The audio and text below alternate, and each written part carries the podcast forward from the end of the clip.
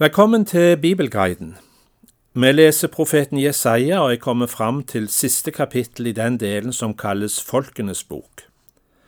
Her er det skrevet ned budskap som er adressert til Israels omliggende folk og land, og vi får høre hvordan det skal gå med disse nasjonene i framtida.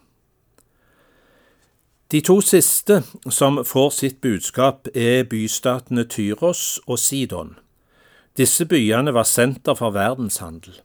Her kom karavanene inn fra øst med eksotiske varer som sjøfarerne tok med seg videre til landene rundt hele Middelhavet, helt vest til Tarsis i Spania. Ja, det finnes endog spor av disse handelsmennene så langt bort som til Den engelske kanal. Nå forkynner Jesaja Tyros sitt fall. Så avfolka skal landet bli at Sidon kalles for ei barnløs kvinne.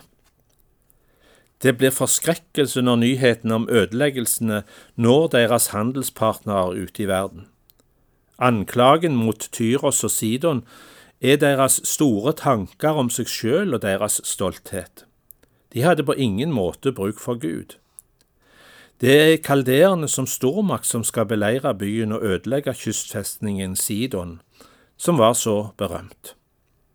Vi hører profetiene om Tyros og Sidon i Jesaja kapittel 23, vers 1-14. Budskap om Tyros. Klag, dere Tarsis skip. Alt utslettet, husene borte. Da de kom fra Kiterlandet, fikk de se det. Vær stille, dere som bor ved kysten, dere kjøpmenn fra Sidon. Dine sendebud dro over havet over de veldige vann. Skihor såkorn og Nilens kornhøst ga byen inntekt, den var folkenes markedsplass. Skam deg, Sidon, du festning ved havet, for havet sier, Jeg har ikke rier og føder ikke, jeg fostrer ikke gutter og oppdrar ikke jenter. Når egypterne får høre det, skal de skjelve, som da de hørte om Tyros. Dra over til Tarsis, klag, dere som bor ved kysten. Er dette den jublende byen deres, den som ble til i eldgammel tid, som førte sitt folk på raske føtter til fjerne steder der de kunne bo? Hvem har planlagt dette mot kroningsbyen Tyros, der kjøpmennene var fyrster, der kremmerne var de fornemste på jorden? Herren over hærskarene har planlagt det, for å ydmyke alt som er stort og stolt, og vanære alle de fornemme på jorden. Dyrk jorden din, slik de gjør langs Nilen, du Tarsis datter. Her er ikke lenger noen havn. Herren har rakt ut sin hånd over havet og fått kongeriker til å skjelve. Han har befalt at Kanans festninger skal utslettes. Han sa, Du skal ikke juble mer, datter Sidon, du mishandlede jomfru.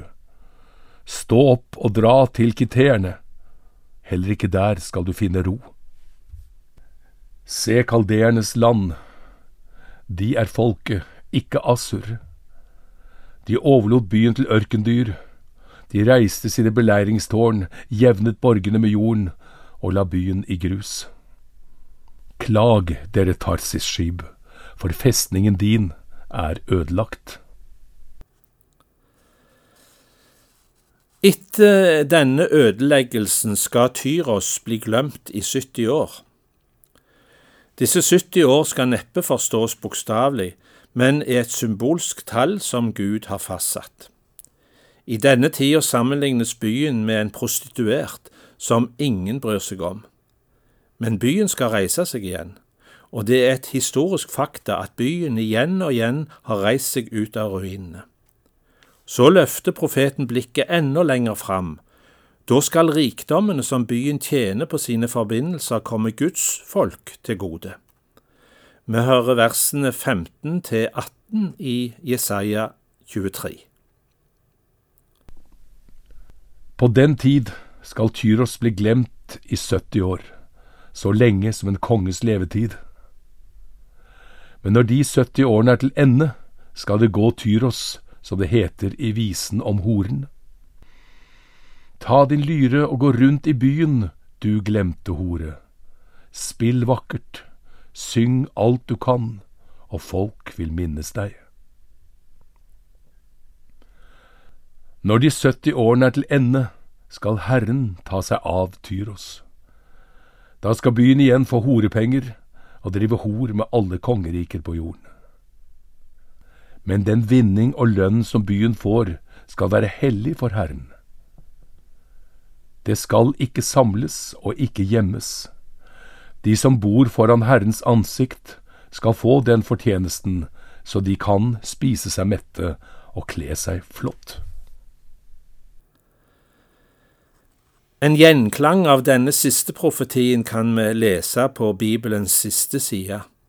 I åpenbaringsboka i kapittel 21 vers 24 står det Folkene skal vandre i lyset fra byen, og jordens konger skal føre sine rikdommer dit. Denne profetien i Jesaja-boka, som vi har hørt lest nå, til sist, det er bare delvis gått i oppfyllelse.